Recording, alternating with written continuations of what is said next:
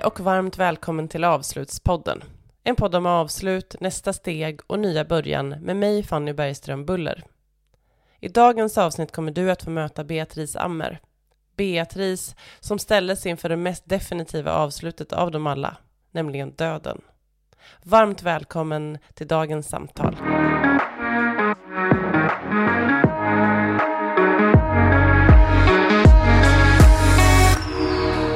Hej och välkommen Beatrice Ammer. Välkommen till Avslutspodden.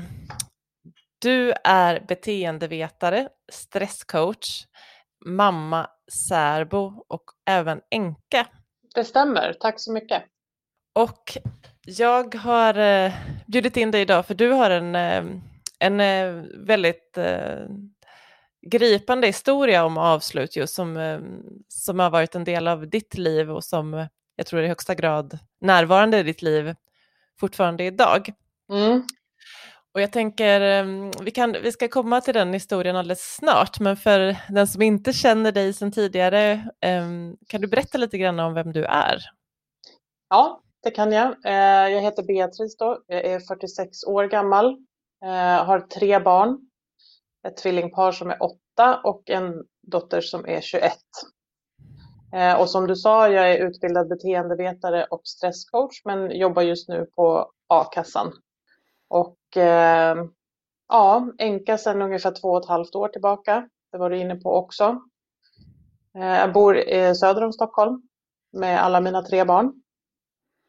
Det är väl ungefär jag, tror jag. Och vad var det då som hände? Vi pratades ju vid för en kväll för ett tag sedan och du berättade den här historien som började tror jag för fem år sedan redan. Ja, precis. Eh, för fem och ett halvt år sedan så blev jag sjukskriven på grund av utmattning. Tror jag, eller, eller tror vi att det var. Eh, och jag blev sjukskriven någon gång i juni. Eh, gick hemma hela sommaren sjukskriven på heltid, försökte vila mig tillbaka i form. Och under augusti så stod jag väl lite redo för att börja jobba igen. Eh, då fick jag plötsligt ett eh, epileptiskt anfall. Visste vi inte att det var då. Jag har inte haft det förut utan jag ramlade ihop eh, ute på landstället i skärgården. Ehm, och i och med det, jag åkte ambulanshelikopter in. Blev väl inte riktigt ordentligt undersökt då utan sen gick jag den hösten. Man trodde att det var yrselattacker och trodde att det kanske var problem med kristallerna i örat. Så det tog ganska lång tid innan någon gjorde en ordentlig undersökning på vad det var egentligen. Men i slutet på november då, 2015, eh, så hittar man en jättestor eh, godartad tumör i, eh, i min hjärna. Tumören var 6,5 centimeter gånger 3,5 så det var en, en jättestor men, men godartad och den opererades bort för ganska exakt fem år sedan. och man fick bort hela och det var ju liksom meningen att jag skulle rehabiliteras tillbaka och man såg inte att det skulle bli några men efter det. Vad, vilken, jag tänker, det är ju en ganska chockartad eh, besked, även om man säger ja. att tumören är eh, inte, att den är godartad. Hur, mm. hur landade det här hos dig? Nej, alltså först när jag fick veta det så var ju, eh, jag hade ju mått dåligt av det här och fått de här anfallen under så lång tid och inte, det satte inte bara skräck i mig utan hela, hela min familj får man väl säga. Eh, obehagligt med sådana anfall med medvetandeförlust. Så jag tror en del av mig blev ju glad över att man fick reda på vad det var, för det kändes inte som att någon riktigt tog mig på allvar under hösten där. Åkte in till sjukhuset flera gånger akut med ambulans och sådär, men eh, nästan varenda gång så sa de att du, du behöver inte vara orolig för det här är i alla fall inget farligt, förmodligen ingen tumör eller något. Eh, och när man då liksom har hört det några gånger och fortfarande mår jäkligt dåligt så tror jag att det var en det, var, det fanns liksom en lättnad inblandat i det. Eh, att man visste vad det var och att nu skulle den bort och förhoppningsvis skulle det liksom lösa de här problemen. Så jag tror att det var blandat. Eh, ovissheten var kanske värre egentligen än, än själva diagnosen till slut. Mm. Och just eftersom den var godartad och jag visste att det, att det troligtvis skulle lösa sig med en operation, även om det var en stor och komplicerad operation, så trodde jag ju ändå att vi liksom hade kommit på lösningen. Jag tänkte, när man ska inför en sån operation, mm. hade du något samtal liksom med din familj och så Innan... Nej, jag hade inte, inte, jag tror inte vi hade det så mycket då. Däremot så var jag nog inte riktigt beredd på vilken dödsångest det skulle vara bara inför liksom sövningen och själva operationen. Eh, för jag tänkte, tänk om jag inte vaknar och du vet så här, inte får se barnen. Men det, det, det kom så nära in på själva operationen så jag, jag hann nog inte riktigt prata om det då, utan jag var så fokuserad på att det här skulle gå bra och de har koll. Karolinska i Stockholm, bäst i Sverige liksom på det här, så det, det ska nog inte vara någon fara. Men sen hade jag en väldig dödsångest eh, och jag googlade tror jag, dödsångest inför operation och hittade på 1177 då att det, det är ju jättevanligt och det har liksom de allra flesta som ska opereras, vare sig det är liksom i huvudet eller någon annanstans. Eh, önskar att någon kanske hade sagt det innan så, att vara beredd på att det här kan riva upp lite känslor. Men eh, nej, jag tror inte vi pratade så mycket då. Eh, det var så solklart på något vis att det skulle gå bra. Mm. Så att jag var nog inte så orolig egentligen, utan det blev först ja, men kvällen innan jag skulle läggas in tror jag, kunde jag inte sova och tänkte, tänk om det ändå liksom inte går bra. Mm. Och sen kom du hem och fortsatte vara sjukskriven gissar jag? Ja, tag. det var jag. Eh, opererades i början på december och så tror jag att jag någon gång i april kanske började smyga igång och jobba på, på 25 procent till en början där. Eh, mådde ganska bra, eh, studsade tillbaka hyfsat fort men det, det som var problemet då och som fortfarande är det i viss mån, för jag är inte helt fri från sjukskrivningen ännu, eh, är ju hjärntrötthet eh, som jag får dras med, vilket gör att jag har ju inte samma energibägare kvar som jag har haft tidigare utan blir ganska fort trött av eh, koncentrera mig eller stora sociala sammanhang och sådär. Just det. Ja, men jag hann ändå, jag hann börja jobba. Jag tror faktiskt att jag till och med hade kommit upp till 50 procent under sommaren där. Eh, sen gick vi på semester eh, och sen så hade vi, jag och Henrik hade ett snack någon, någon vecka innan liksom den här stora incidenten sen. Där han sa att han sa, jag känner mig inte riktigt som mig själv och han kunde liksom inte förklara varför det kändes så. Men han, han, han kände inte igen sig riktigt i humör och, och liksom hur, han, hur han mådde. Eh, och sen så får han då, vi också återigen i skärgården på semester och så får han världens huvudvärk. Och då hade han liksom haft det i några dagar. Och sen till slut så får han så ont i huvudet så att han börjar kräkas. Eh, och då tyckte jag så här, nu får vi liksom börja fundera på vad det här är. Han har aldrig haft migrän eller liksom huvudvärk åt det där hållet på något vis tidigare. Och sen upplever jag också att han inte riktigt är med på banan. Alltså när jag försöker prata med honom så, så dröjer han jättelänge med, med svar och, och lite sådär. Så vi, vi ringer också då 1177 först och hon säger jag tycker du ska ringa 112 och så får de liksom avgöra. Mm. Och då tror ju de att han kanske har fått någon liten stroke eller någonting så, så att de vill ju, vill ju hämta in honom till sjukhuset i alla fall. Så vi kör, vi kör vad heter det, ambulanshelikoptern en gång till, ett år senare. Åker han in. Eh, och jag har ju barnen och vi sitter i skärgården och det här varit på kvällen så vi hade inte ens någon möjlighet att, att, följa med eller liksom ta en båt in till stan utan vi sitter där vi sitter. Mm. Så jag ringer hans syrra och säger att nu får du möta upp Henrik, de kör honom till Karolinska. Eh, så att hon fick åka och möta upp honom liksom när, han, eh, när han kommer dit. Och där får han också genomgå, honom röntgar de i huvudet på direkt eftersom man misstänker någon form av hjärnblödning eller någonting. Eh, så. Och då mår han ganska bra, han har fått morfin och har inte ont i huvudet längre och, och känner sig liksom okej. Okay. Och jag tror att läkaren också så slappnade av och tyckte det här är nog ingen större fara. Liksom. Och sen får de svaret på, på röntgenbilderna av hans skalle och så visar det sig att han har, jag tror att det var fyra stycken hjärntumörer av varierande storlek och de sitter på olika ställen i huvudet. Just det, var du med då? När... Nej, utan jag är kvar på landet eh, och nu har väl klockan blivit kanske halv elva eller så på kvällen.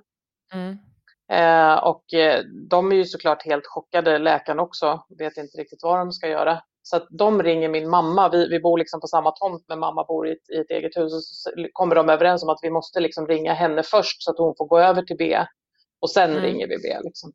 Mm. Så min mamma kom ju traskande där halv elva på kvällen och jag tänkte så här, vad fanken nu? Eh, och så ringer de upp Och jag tror att både Henrik och hans syrra liksom pratar med mig och berättar att nu, nu är det så här. Eh, och det här ser liksom inte alls bra ut. Och jag, och jag tror så här i efterhand att inget ögonblick någonsin efter det var lika hemskt som precis Nej. när man liksom får det här i knät på något sätt. Mm. För det var ju verkligen hur, hur är det liksom möjligt? Alltså hur kan det här hända när, när jag har varit med om det precis innan och mm. det gick vägen och sen så hamnar vi liksom här. Så den natten eh, sov man ju inte så mycket då kanske, utan den, det var ju bara, ja dagen efter fick vi bara packa ihop oss och åka tillbaka in till stan för att, för att möta upp honom och åka till sjukhuset och sådär. Berättade du för dina barn eller väntade ni med Nej, det? Inte, inte då.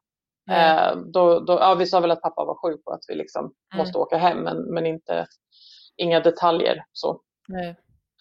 Utan det var ju bara att åka hem och sen visste vi inte riktigt vad de tänkte. Jag, jag tror ju så här, eftersom de de, man kan se om det är godartade eller elakartade hjärntumörer i de flesta fall, därför att de elakartade äter liksom in sig i vävnaden i hjärnan, medan de godartade ligger och växer utanpå eh, hjärnan.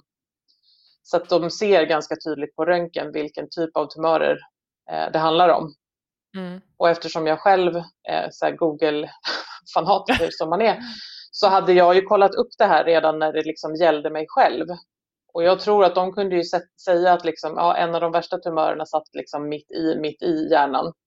Mm. Och den är elakartad. Då visste ju jag att eh, med den här typen av eh, maligna tumörer, då, då pratar vi liksom en, en överlevnad på under ett år. Mm. Och det finns egentligen ingen det finns egentligen ingen behandling. Man kan, man kan förminska tumörerna, man kan försöka att stråla dem, men de här elakartade har vi liksom inget som rår på egentligen i dagsläget. Och sitter de så illa till, då kommer man ju inte ens åt dem. Nej. Utan då är det vad det är. Så att jag tror att det var ju också, att ha all den kunskapen när det här händer var ju, ja det blev så solklart för mig att det här, det här går ju åt helvete. Liksom. Ja. Så. Hur gjorde du då? Jag tänker det är ju en eh, fruktansvärd situation som jag tror att de flesta eh, inte ens, alltså det kanske är en av de värsta mardrömmar man tänker mm. på det här scenariot. Mm. Liksom. Och så, så är, har man ändå, det är ett liv liksom och det finns tre barn och mm. eh, hur, hur tog ni er vidare? Jag tror att vi ganska snabbt. Vi, vi kom ju hem och sen så ville man liksom operera Henrik så fort som möjligt för man ville, det var en av tumörerna man såg att man förmodligen kunde ta bort en bit av och sen vill man liksom göra biopsier på de andra för att se exakt liksom vilken grad eh, det var på dem. Så jag tror att vi bara fixar, först så skulle han ju liksom opereras och överleva den operationen. Det var liksom det första, det var också så här fokus liksom målinriktat på något sätt. Och sen pratade de ju ändå om behandlingsmetoder. Man sätter ju in cellgifter till exempel, för det brukar bromsa förloppet om man har tur. Eh, så det fanns ju ändå på något vis en plan. Eh, så jag tror i början, i början pratade vi nog inte så mycket. Men sen övergick det ju ganska snabbt i att så här, vad gör vi om inte cellgifterna biter alls? Henrik frågade aldrig om prognosen och han, han var en sån här, det är ingen idé att oroa sig över något innan det finns någonting att oroa sig över. Så jag tror att han bara tänkte väldigt mycket en dag i taget och, och, jag försökte väl liksom haka på det för egentligen visste vi ju inte. Vi visste att tiden var utmätt men det gick ju inte att säga liksom exakt. Så Nej. i det läget var det nog bara att försöka ja, ta en dag i taget. Eh, det kan ju tyckas som det svåraste men jag tror också att det var det enda sättet att göra det på. Så han, eh, han opererades, eh, satte igång med, med cellgiftsbehandling ganska snabbt. Eh, och sen så eh, fick han gå på lite sjukgymnastik och så för att liksom hålla kroppen igång och sådär. Så det blev ändå någon form av vardag liksom under den där hösten. Eh, han pratade mycket om då, våra killar var ju fem, och så tänker jag efter, de måste ju ha varit när de var fem när han dog sen, ja men säg att de var fyra, fem. Eh, och han kunde ju ligga på kvällarna och vara jätteledsen och liksom så här, men tänk om jag, jag kommer ju inte vara där när de tar studenten och du vet så här. Och, och då, jag tror att jag också försökte säga då att, ja men kan vi fokusera på nu så länge att vi hoppas att du är med när de börjar skolan. då, i alla fall. Alltså så sätta mm. någon form av liksom delmål eller vad man ska säga. För det, vi, vi vet ju egentligen ingenting eh, om hur mycket tid vi har. Så försöka lägga det lite grann åt sidan. Men det är klart vi pratade mycket och att det fanns mycket sorg hos honom. Eh, när han förstod att han i alla fall inte skulle liksom finnas kvar så länge att, att se sina barn växa upp och hela den biten. Mm. Och sen eh, fick ni liksom något eh, tydligare besked efter ett tag gällande ja hur lång tid det fanns? Ja, det gjordes ju, han gjorde ju uppföljningar och de gjorde röntgen med jämna mellanrum eh, och sådär. Så att eh, han hann väl sätta, säga att han satte igång med de här cellgifterna och det kanske i september det året. Sen i december så, så märktes det ganska tydligt att han blev sämre. Och sen hade vi liksom ytterligare en sån här incident, eller vad man ska säga, var i början på januari, då han blev så dålig så att jag kände så här, nu måste du åka till sjukhuset, för då märkte jag att han var helt förvirrad. Eh, eh liksom, saker kommer ju aldrig ensamma, utan vi har en, en femåring här då som vi tror har blindtarmen och jag kände så här, nu måste jag åka in med honom till sjukan, så här, för det här verkar inte bra. Och samtidigt så har jag en man då som plötsligt inte förstår vad jag säger. Eh, så mm. till slut så, så var det så, jag sa nu ringer jag din syrra. Hon får köra dig till sjukhuset och jag tar liksom ungen under armen och åker till ett annat sjukhus liksom, med honom. Men då la de in honom och då, då var det ju så pass mycket svullnader och så i hjärnan, för högt tryck liksom i skallen. Så då satte de in kortison och försökte liksom få ner svullnaden, så då låg han på sjukhus i några dagar. Sen höll han på och dö. Alltså hela tiden så var det ju så här, det, det, man hade att vänta sig var att det blir liksom som en tilltäppning eller en blödning i hjärnan. Det är liksom det som händer till slut när man har den typen av diagnos som han hade. Och eh, så han höll på att dö, men överläkaren var på plats och lyckades liksom ja, hålla honom vid liv genom den krisen. Och då är vi liksom i januari någon gång. Eh, och efter det sen så kom han aldrig hem. Därför att sen blev han så pass dålig att vi inte kunde ha honom hemma längre. Just det. Så där någonstans. Eh, och här hade vi liksom mobiliserat styrkor. Hans föräldrar var ju, hans mamma bor inte i Stockholm, men hon var, hade ju liksom i princip flyttat hit för att vara här och avlasta antingen mig och barnen eller att vara liksom med Henrik så att, så att alla kunde få vara där. Men mm. att livet här hemma ändå på något vis rullade på. Och det var väl första gången som frågan ställdes. Då, ställ, då hon ställde frågan till hans läkare hur lång tid pratar vi om nu? För då, då kunde man ju märka att eh, cellgifterna hade ju inte gett något resultat så då avbröt man i princip all behandling och så fick han bara ha kortisonet kvar för att liksom hålla svullnaden i, i hjärnan i schack. Så. Och då, då sa läkaren att vi vill ju inte svara på den frågan för man kan liksom inte säga exakt, det kan hända imorgon. Och då sa hon så här, okej, okay, men i, hur mycket tid har vi som mest, skulle du säga? Och då sa hon inte mer än två månader. Okej. Okay. Sa hon då. Och det var ju liksom... Och då, då sa min svärmor också att vi frågar ju bara för att vi ska veta hur vi ska kunna stötta varandra och få den här familjen att fungera eh, mm. under tiden. Så, så då, då fick vi på något vis, då visste vi så här, okej, okay, inte ens fram till sommaren, utan det var liksom om vi då hade februari-mars på oss. Jag, jag kommer inte ihåg exakt, liksom. men vi räknade ut någonstans att här, inte längre än så i alla fall. Och efter det då så flyttade Henrik in på hospice eh, och kom ju bara hem på besök efter det. Eh, för han kunde inte vara hemma, för han behövde dygnet runt vård. Hur, um, hur var, jag förstår ju, han var ju svårt sjuk och säkert väldigt mm. liksom, trött och så vidare, men mm i det skedet, jag tänker, man kan, jag kan ju tänka mig också att man när man liksom kroppen slutar att svara, att man också mm. blir, att man på något sätt landar in i det här liksom slutet på något sätt. Mm. Kan det han, vara så eller? Jag vet, jag vet inte riktigt. Eh, som jag sa, han hade en väldigt liksom, speciell inställning till allting som, som hände överhuvudtaget inte så orolig, väldigt lugn och trygg i sig själv och så. Så att jag tror att när vi, när vi pratade om det som skulle komma sen, det var, vi, vi valde att inte berätta för honom att de hade, att de hade liksom satt någon slags tidsgräns eh, för honom. Eh, men till slut så började han att fråga Eh, och då kände vi, jag duckade, eh, men till slut hade han liksom spänt ögonen i sin mamma och sagt att, typ att jag, jag tror att du vet, vad har de sagt? Och då sa hon att ja, det handlar om månader nu. Och då hade han liksom blivit tyst en stund och så hade han sagt inte en sommar till alltså. Så. Mm. Och då tror jag att han, han landade liksom i det på något sätt. Mm. Och sen, eh, sen valde han att eh, leva liksom varje dag efter det. Vi hade en strid ström av människor som kom och hälsade på. Eh, han låg på Stockholms sjukhem och de var ju liksom helt fantastiska i att låta oss eh, göra nästan vad som helst. så. Eh, stort fan av amerikansk fotboll så det var liksom Super Bowl-fest och de tog dit mat och, och liksom sådana grejer. Han var ju, det var liksom inte så mycket till personlighetsförändring utan det enda var ju att han var trött.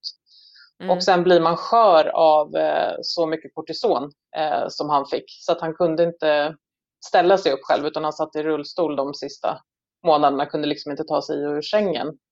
Men det var alltid folk där. Det var liksom hans eh, enda, hans tuffaste önskemål eh, var att han skulle få åka hem och hälsa på så ofta han kunde och sen att det alltid skulle vara någon där eh, under mm. dagtid. Så där turades vi ju liksom om. I första hand var det hans föräldrar som alltid var på plats, hans föräldrar eller hans syster. Och sen fick jag vara där så mycket som det gick för att barnen ändå på något vis skulle ha ett normalt liv hemma. Ja, just det. Vad, jag tänker förutom att liksom på något sätt fira det dagen, vad, ja. vad pratade ni om under den här tiden? Fanns det saker som, jag tänker att det väcker många mm. frågor som man kanske inte har lyft tidigare? Eh, visst gör det det. Jag tänker att vi är ju så generellt dåliga på att, att liksom prata om döden. Vi lever ju som att döden överhuvudtaget inte existerar. Och här var man ju liksom tvungen att ta den i hand på något vis och inse att nu, nu är det så här. Så jag tror att vi, vi pratade ju mycket om han, han var inte så mycket för att prata om det. Förutom de några gånger så pratade han aldrig så mycket om vad han skulle missa för att han inte var med. Eh, och, och, frågade man honom liksom eh, om hur han tänkte och hur det skulle bli och sådär. Så det viktigaste för honom var att jag skulle vara lycklig. Jag och barnen skulle liksom ha det bra. Och han, han fick mig att lova att jag skulle bli lycklig igen. Och det där sa han flera gånger och till slut började jag känna mig provocerad. Så till slut så sa jag att ja, jag lovar att jag ska försöka liksom bli lycklig och hitta kärleken igen. För det var ju på något vis det han så fiskade efter, att jag inte skulle vara ensam. Eh, men så sa jag, du måste låta mig ta mig igenom det här först och sen ska jag sörja och sen lovar jag att jag ska göra det jag kan för att liksom bli lycklig igen. Och då släppte han nog det. Eh, men sen var det också så här, man pratar inte om hur vill man ha sin begravning, alltså du vet så här, hur har man liksom tänkt med allt det där? Och det blev ju realiteter plötsligt. Och där, där frågade jag honom. Jag sa att det finns ett formulär man kan fylla i om hur man vill att ens begravning ska vara. Skulle du vilja det? Och då sa han ja. Jag tänkte det, det handlar ju jättemycket om hur, hur den som är sjuk reagerar på det här och det är det som får styra liksom det mesta. Men han sa ja så vi planerade ju världens eh, baluns till begravning. Liksom. Han ville ju att det skulle vara en fest. så. Och helst skulle vi inte gråta och, och sådär. Pratade också om liksom arv och vad han tänkte. Min stora tjej är inte hans biologiska dotter utan hon har en annan pappa. Men hur viktigt det var för honom att liksom barnen skulle vara jämbördiga i liksom det här och sådär. Så vi, vi pratade väldigt mycket om de ja, men mycket praktiska saker. Eh, och även om, om det känslomässiga, även om det var liksom svårare. Men det var på något vis han som fick styra exakt vad vi skulle prata om. För det är svårt som anhörig att vara där och peta. Eh, det ska ändå kännas bäst för honom. Liksom. Vad, är det någonting eh, som när du ser tillbaka var det liksom viktigast eller någon sån tillfälle under den här perioden som som var, blev väldigt viktig efteråt? Eh, det ena är tror jag att, att vi ändå, att man liksom fick sörja tillsammans. Eh, att man, vi fick liksom en tid på något vis att acceptera det som skulle hända och absolut liksom inte bortse från det men ändå försöka göra den här sista tiden så lycklig som, som den bara kunde vara. Och det, det, gjorde vi och det tror jag att vi alla som stod runt omkring Henrik under den här tiden kan känna. Och lite som jag sa förut, han slutade liksom aldrig leva riktigt. Utan ville någon komma och hälsa på så var det alltid tillåtet. Så det var ofta, ofta folk där. Och det var allt ifrån, som jag sa, titta på amerikansk fotboll eller det var någon som kom dit och spelade valthorn, liksom, för, för det var kul. Och han sa aldrig nej till någonting. Och det tycker jag, eh, vi bär med oss så himla mycket glädje från den här perioden. Mer än sorg, även om det liksom är uppblandat såklart. Och sen tror jag nu så här efteråt, det här som han var så noga med att tala om för mig att min enda önskan är att du ska bli lycklig igen. Och den kändes ju helt... Det gick inte att förstå då. Hur ska det gå till? Eller liksom, det kändes ju som det var ljusår bort. Men jag förstår ju nu efteråt vilken otrolig gåva han gav till mig genom att göra så. Så det bär jag ju med mig. Eh, och kan ju efteråt kännas viktigare än det gjorde just då. Och sen, sen kom döden och mm. eh, du stod ensam kvar med dina barn. Mm. Och jag tänker, vad, du nämnde när vi pratade på telefon för ett tag sedan mm. att, att, att, det, att det är ändå på något sätt nästan, alltså precis som du sa, det här beskedet mm. om eh, tumörerna, Henriks tumörer mm. var svårare när att det hade varit en, som en lång process av avslut. Mm. Och sen, mm. eh, kan du beskriva den där, jag tänker den här första tiden mm. efteråt? Jag tror det var, det är liksom en sån enorm anspänning. Han, han blev ju liksom sämre och sämre. Jag tror han var hemma här en söndag eh, sista gången och hälsade på och då var han ju riktigt, eh, riktigt dålig. Eh, och sen så dog han natten mellan torsdag och fredag veckan efter. Så att han var ju ändå med, som är medveten och med, ända fram till de sista dygnen.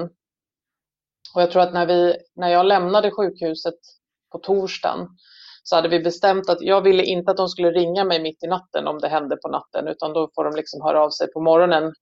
Eh, jag vill inte att liksom bli väckt mitt i natten av det där dödsbudet och att liksom ja, men barnen och du vet så här, nej, det, då tyckte jag det kan liksom vänta till morgonen. Eh, och när jag väl då liksom fick dödsbudet så tror jag att den, den första, jag tror jag sa det till dig när vi pratade innan också, det, det var liksom en lättnad. För då var han så dålig så att han, han ville liksom inte riktigt fortsätta själv. Den här känslan av att kroppen helt sviker och att det liksom inte finns någonting kvar. Eh, så att jag tror att det var nog mycket lättnad i början. För under de här månaderna så hade vi ju någon slags schema hela tiden för var man skulle vara och för att det skulle bli så bra som möjligt och sådär. Så det var som att liksom dra ur proppen på något vis. Mm. När det liksom, ingen mer oro, eh, ingen mer stress. Det kan ju låta lite krast men man lever under en sån enorm anspänning när det liksom kan hända precis när som helst. Så jag tror att det var liksom, det var skönt och så är det ju inte riktigt tillåtet att tycka att det är skönt för det är ju liksom såklart sorgligt också. Men jag tror att det var som en, en enda stor utandning först. Eh, mm. tänker, nu får vi liksom börja plocka ihop oss eh, igen på något sätt. Känner, jag tänker, känner du så att, eh, att det inte är helt okej att liksom att, att uh, se döden som någon sorts säga, befrielse eller det kändes svårt att säga det i alla fall och jag vet inte om folk kanske inte säger det men jag tror att har man varit nära någon som är så väldigt sjuk eh, och där man vet att det finns ju liksom ingen chans att det här kommer gå åt något annat håll än mot slutet så blir det till slut en lättnad. Jag, jag inbillar mig det i alla fall. Och för mig var det det och jag har, jag har inte varit rädd för att säga det. Men, men det känns ju inte riktigt politiskt korrekt, eller vad man ska säga. Att man, det handlar inte om att önska livet ur någon, utan det handlar ju om att när livet på något vis liksom inte är värdigt längre, så måste det ju få ta slut. Liksom. Mm. Jag, jag förstår. Mm. Jag tänker att eh, här, jag tror att många människor någon gång under sitt liv kan relatera till det oavsett mm. om det är med en så ung person som Henrik var eller mm. om det är en, äldre person som kanske också ibland mm. lever livet på det som man kan känna kanske över tid. Vi, ja. um, att det kan ibland vara en lättnad. Um, jag tänker, hur navigerade du tillvaron? Eh, du, du jag vet inte, tänkte jag.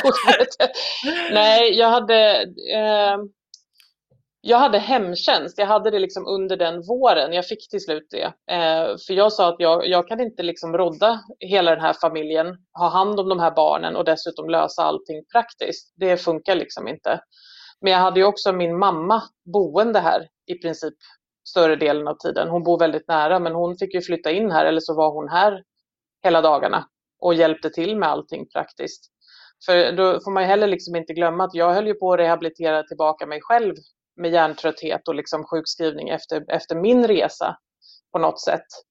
Eh, och, eh, så att jag orkade ju inte. Jag blev ju heltidssjukskriven. Det blev jag redan någon gång i januari där när han blev så himla dålig.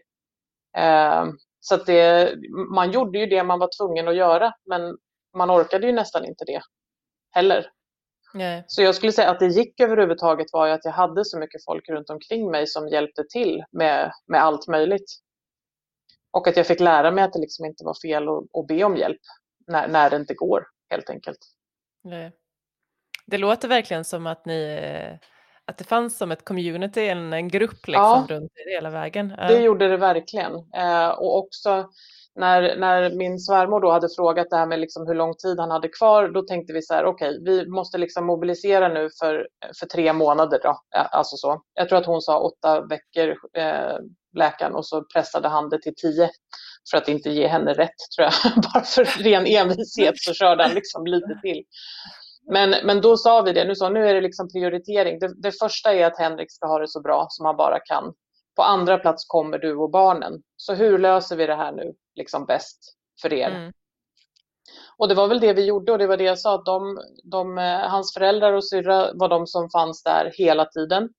Jag var och hälsade på honom flera gånger i veckan. Ibland hade jag barnen med mig. Eh, ibland kom han ju hem och fick liksom träffa mig och barnen här.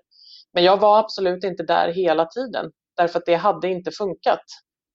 Vi ville det båda två, men med en familj som måste funka på hemmaplan så insåg vi att det, det går inte. Det är liksom inte det bästa för alla.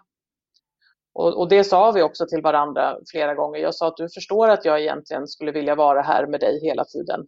Ja, sa han, det, det förstår jag. Och så, sa, och så förstår du också att det inte riktigt går för, för framförallt småkillarnas skull, men liksom för alla tre barnens skull. Och så sa han, ja det förstod han också. Mm. Um, så jag har ju fått höra efteråt hur mycket piggare och hur mycket mer uppåt han var så fort jag klev in i rummet. Men jag tror att han också förstod att det här, det var liksom inte bara vårt det här, utan det fanns ju andra som också behövde mig. Uh, och då fick det vara så. Mm. Och det, det gick ju på grund av att vi hade så många runt omkring så att det ändå blev ja, men dels så bra som möjligt som det kunde bli för honom men också för, för familjen. Och jag tror att det gjorde ju mycket också att vi inte, vi föll liksom inte riktigt isär eller vad man ska säga under tiden. Utan det fanns lite kraft kvar även efteråt. Och det var det som var hela, hela vitsen med att göra så. Jag tänker det är, ja, att tänka sig in i den situationen eh, att stå med små barn mm. efter någonting som här har hänt. Jag tänker mm. att man kanske bara skulle vilja, oavsett liksom om sorgen har kommit tidigare eller inte så, mm. Så tänker jag att man åtminstone skulle vilja lägga sig i en säng och bara sova några månader. Mm. Mm. Men det går ju inte. När, Nej, det gör det inte det. Och jag har nog aldrig, jag har nog aldrig känt så. Eh, min, min sorg har på något vis, den har sipprat liksom hela tiden och egentligen ända från att han liksom får diagnosen och framåt var en lång sorgeprocess. Eh, sen sörjer man, jag tror att man, man slutar aldrig att sörja utan till slut så har, bär man ju med sig sorgen på något vis. Den är inte, liksom, den är inte det främsta hela tiden. Men eh, jag har alltid tänkt att, och det var ju, det var ju liksom också för hans skull. Jag kan ju inte bara lägga mig ner och dö och vägra. Det är ju barn som ska till skolan och, och mat ska de ha och du vet så här. Så att det, jag upplevde aldrig som att jag hade ett alternativ. Det, det var bara att liksom sätta ena foten framför den andra och gå upp ur sängen varje morgon. Sen har det gått, gått olika fort och olika, med olika inspiration liksom från dag till dag. Men eh, jag har nog aldrig aldrig fått den känslan av att det hade varit bättre att bara få ligga kvar. Nej. Känner, jag tänker, känner du att finns det något, någon liksom punkt efter det här där du kände att det kanske, jag tänker, om det är mycket liksom ena foten framför den andra för mm. att faktiskt lösa livet så mm. har, du, har du liksom känt att du har kommit till någon punkt när det på något sätt har, när allting har blivit lättare eh, att bära? Har det funnits en sån?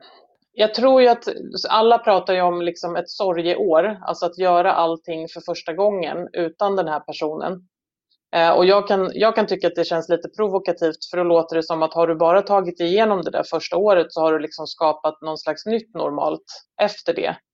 Och så är det ju inte riktigt. Men det är klart att det, det fanns ju liksom, det har ju varit den typen av milstolpar. Liksom. Att nu har vi, du vet, första julen eller första semestern eller liksom allt det där. Eh, och efter det har det väl gått liksom lite lättare. Men det, sorgen är ju liksom på något vis inte konstant heller utan den, den kan ju bubbla upp lite när som helst. Eh, och, och, gärna komma sådär när du tycker att nej men nu har jag inte grinat så mycket för det här eller nu börjar det liksom kännas okej okay. och sen kommer det en rejäl svacka. Som när killarna då börjar skolan till exempel och, och, pappa inte är med och vi hade pratat om att det där liksom ville han ju absolut inte missa. Eller min, min stora tjej tog studenten någon månad efter att vi hade haft Henriks begravning så var det liksom dags att ha studentmottagning för henne och sådär. Men, men livet går ju liksom, livet fortsätter ju. Eh, och, och på något vis så tror jag att det handlar ju bara om vill du säga något nu? Det ringer. Ja, det du gör kanske det. inte hör det? Ja, jo då.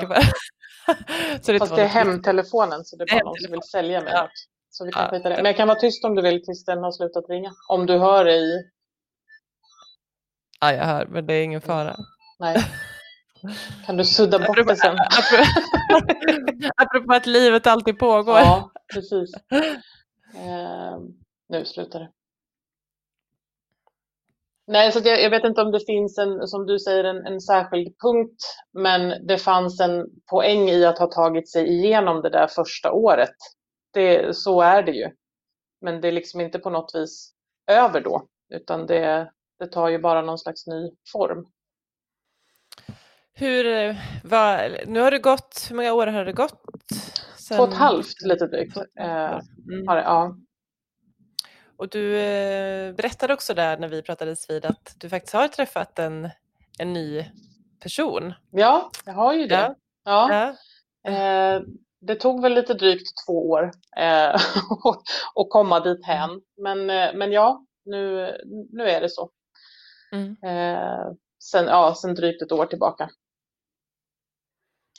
Och det har ju, ja, jag, jag tänker det här med, jag säger att det liksom bubblar upp allt eftersom. Eh, Henrik hade ju på något vis gett sitt godkännande till det här eller till och med liksom önskat mig det här. Eh, och då tänkte jag att då ska väl inte det bli så svårt. Men, men så var det ju inte och är inte riktigt heller såklart. Eh, för det är ju fortfarande jag tänker när någon går bort på det där sättet så har man ju liksom inte, det, vad du kallar det, det är ju inte ett frivilligt avslut utan det är ju liksom någonting som, som händer och man, man tvingas till ett avslut. Och det innebär ju på ett sätt också att, jag tänker annars om man inleder en ny relation så har man ju oftast avslutat en innan. Och antingen förhoppningsvis på något sätt varit med själv och valt att den relationen av olika anledningar ska avslutas. Eh, Medan här här var ju inte den relationen slut. Kärleken var ju inte slut. Det var ju liksom inte det som hände. Och det gör det ju lite märkligt när man sen träffar någon ny. För jag tänker att jämföra är ju nästan omöjligt, eller att inte jämföra ska jag säga är ju nästan omöjligt. Upplever jag i alla fall. Mm. Och det blir väldigt konstigt då när man inte aktivt har valt att avsluta den relationen som var innan. Jag förstår, det är som att man, har, man bär en kärlek och har den bredvid sig. Ja, den finns ju kvar. All den kärleken finns ju kvar.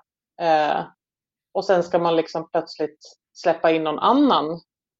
Eh, som ju också, det är liksom samma typ av kärlek då, om man ska säga, alltså i, i en relation på det sättet. Och det blir ju jättekonstigt. Det känns ju också konstigt att bli lycklig. Det, det känns ju också konstigt att hitta någon som man tycker så otroligt mycket om eh, och tycker om att vara med. Eh, och att inte då känna lite skuld eller liksom dåligt samvete. Det, det var ju liksom inte Henrik som valde att inte vara kvar här. Och nu plötsligt ska jag liksom få ha det så här och han in, finns inte längre. Så det tror jag, det, det rev ju liksom upp en massa saker eh, ja, som man kanske inte var helt beredd på, tror jag. Mm. Eller jag var inte det i alla fall. Så det har, det har varit det har varit turbulent eh, på många sätt. Mm. Men, pratar ni eh, mycket? Pratar ja, ni vi mycket gör ju det. Vi gör ju det. Jag har liksom hittat en man som på något vis köpte hela det här konceptet från början. Eh, vi har jättemycket foton på Henrik runt om i, i lägenheten till exempel. Eh, både för min skull men också för killarnas skull, att, liksom, att pappa ska finnas eh, närvarande och med oss här. Eh, vi pratar ju mycket om honom. Eh, jag har till och med bilder på honom i sovrummet.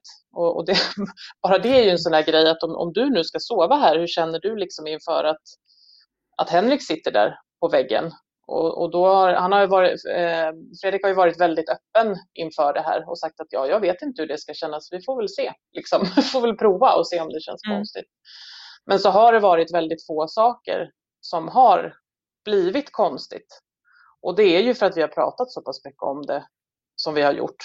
Och att jag har vågat säga hela tiden hur jag har känt. Och när det är saker som har känts lite olustigt eller liksom obekvämt eller nytt, hur man nu vill liksom definiera det, så har vi ju pratat om det. Och det tror jag har varit en, en förutsättning för att den här nya relationen ska kunna funka. Om du ser, jag tänker, ser dig runt i eh, bland eh, samhället eller bland dina, mm. liksom, de sammanhangen du är i idag, mm. men liksom det, med allt det som du har med dig från de här åren och det jag tänker du har lärt mm. dig eller insett, är det liksom, ja, och apropå det här med avslut, jag tänker, mm. vad tänker du liksom när du ser oss människor runt dig springa runt?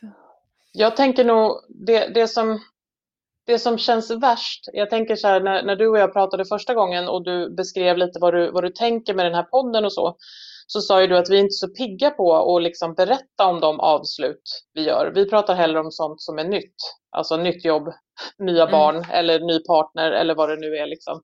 Och så pratar man inte så mycket om det där att man faktiskt har lämnat något eller avslutat något av, av vilken anledning det än liksom må vara.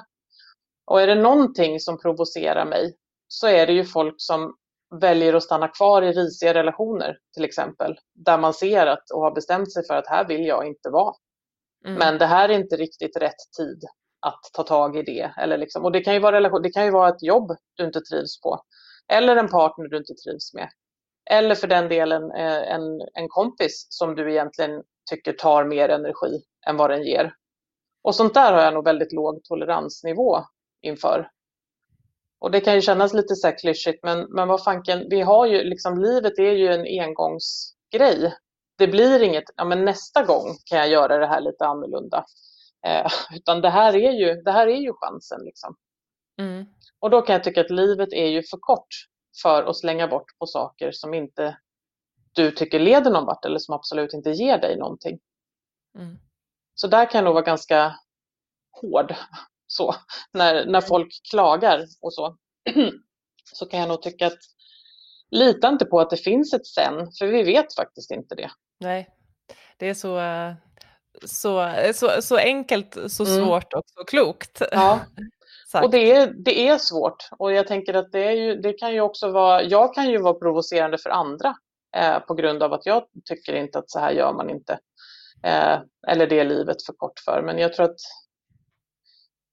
man kanske inte är så jävla rädd längre heller. Har man, har man varit med om det här, alltså både en egen sjukdom och liksom ens nära, eh, ens allra närmaste sportgång, så är det inte så mycket kvar som skrämmer mig egentligen. Därför att jag vet att jag klarar det mesta. Mm. För vad skulle vara, ja det, det, det är ju liksom om det skulle hända barnen något, vi viskar om det, för det, det får ju liksom bara inte hända. Men det är, inte så, det är inte så mycket mer att liksom vara rädd för på något sätt. Och då tänker jag rädd för som i att jag står i alla fall för vem jag är eh, och, och vad jag tycker. Eh, så. Sen kan man inte påtvinga andra att leva efter det om man inte har haft samma upplevelse. Nej. Men jag har varit ganska öppen med det här. Jag bloggade ett tag om hur, hur det gick och sådär när jag kände behov av att liksom sätta ord på något vis på, på pränt liksom, med vad som hände med mig och sådär. Och den feedbacken man har fått är ju att väldigt många har i alla fall tänkt efter lite grann och jag tänker så här, det spelar ingen roll om man sen inte gör exakt det jag förordar att man ska. Men då har jag i alla fall tänkt det ett par gånger och insett att det finns ju kanske ett annat sätt att lösa det här på. Mm. För att jag ska må bättre eller för att ta vara på livet. Jag ska ställa en sista fråga till dig. Jag tänker mm. apropå avslut och jag mm. tänker det finns ju avslut som inte är lika dramatiska givetvis. Och, mm. um, och jag tänkte på det här i ett annat samtal så pratade jag om just vi, vi börjar närma oss, eh, när jag gör den här intervjun så börjar vi närma oss årsskiftet och mm. många har ju liksom nyårslöften. Mm. Jag tänker så här istället om man skulle tänka att eh, man skulle avsluta någonting nästa år, apropå det mm. du säger. Mm. Har du någon sån här grej som du säger att känner att nej, det här borde jag faktiskt avsluta? Nej, vet du, jag tänkte mycket på det här och så visste jag vad jag ville säga och sen tänkte jag så här, fast det kanske inte räknas som ett avslut, tänkte jag då. Men jag, jag tänker säga det i alla fall. Eh, jag ska ju under eh, 2021 nu bli sambo med min nuvarande särbo. Så jag tänker att jag ska ju faktiskt avsluta eh, i, den, I det boendet som jag har nu, här har jag bott med Henrik, här är våra barn födda och sådär. Och den, den, det här hemmet har ju varit liksom en enorm trygghet för mig och att jag kunde bo kvar här efter att Henrik gick bort och sådär. Men eh, nu ska jag ju faktiskt lämna mitt liv som ensamstående och eh, istället bli sambo. Och det tycker jag känns som ett, jag vet inte om du räknar det som ett avslut, men det är i alla fall en början på någonting nytt. Jag tycker absolut, är det så att ska du, ska du flytta från det hemmet eller bor ja. ni kvar i? Nej, ja. vi, ska, vi håller på att bygga ett nytt hus och, och flytta ihop. Ett stort avslut, ja. men också en fantastisk början. Ja, men, men som också jag känner att anledningen till att det här avslutet har kunnat komma till stånd är att jag har varit modig nog att låta livet få fortsätta. Mm. Eh, och i det det är inte heller riktigt ett avslut, för det var som vi sa innan, Henrik kommer ju finnas med oss alltid. Så, så är det ju. Men, men att våga liksom blicka framåt, lämna den här tryggheten lite grann och liksom göra ett rätt stort kliv för ett nytt äventyr. Mm. Jag tycker det var, det, det låter som att du eh, 2021 kan bli ett spännande år för dig. Ja, det är min, det är min tur nu. Vi hoppas att det blir ett jättefint år. Ja, det hoppas jag också. Eh, jag vet att du, är, du delar mycket liksom, tankar kring mm. det som har hänt och har varit väldigt liksom, öppen med det. Mm. Om man vill eh, följa dig någonstans eller liksom, eh, finns, det, finns du någonstans? Ja, jag finns med mitt som för och efternamn på Instagram, mm. Beatrice Ammer. Och jag tror att söker man på Beatrice Ammer så hittar man också till bloggen. eller det är en hemsida med, med bloggen där. Man får mm. jättegärna läsa och reagera. Nu har, jag, nu har jag inte skrivit på ett tag. Jag tror att jag lite tappade sugen i och med att corona kom här i våras. Det blev liksom fokus på annat. Men, ja. men målet är att, att, ta tag i det igen så småningom. Eh, där finns ju också kontakt till mig om man skulle vilja höra av sig och det går bra att höra av sig på DM, eh, mm. på Instagram och sådär också om man har några frågor eller undrar över något. Tack Beatrice. Du, ehm, du är en otroligt stark eh, och inspirerande person. Det var tack. jättefint att få prata med dig. Tack själv tack. och detsamma. Stort tack till dig som har lyssnat. Följ gärna Avslutspodden i din poddspelare så att du hela tiden får uppdateringar om när nästa avsnitt kommer. Och du kan också följa podden på Instagram och Facebook. Jag vill också passa på att tacka Daniel Buller och Henrik Alsed som hjälper till med produktionen av den här podden. Nästa avsnitt hör du om två veckor. Vi hörs då.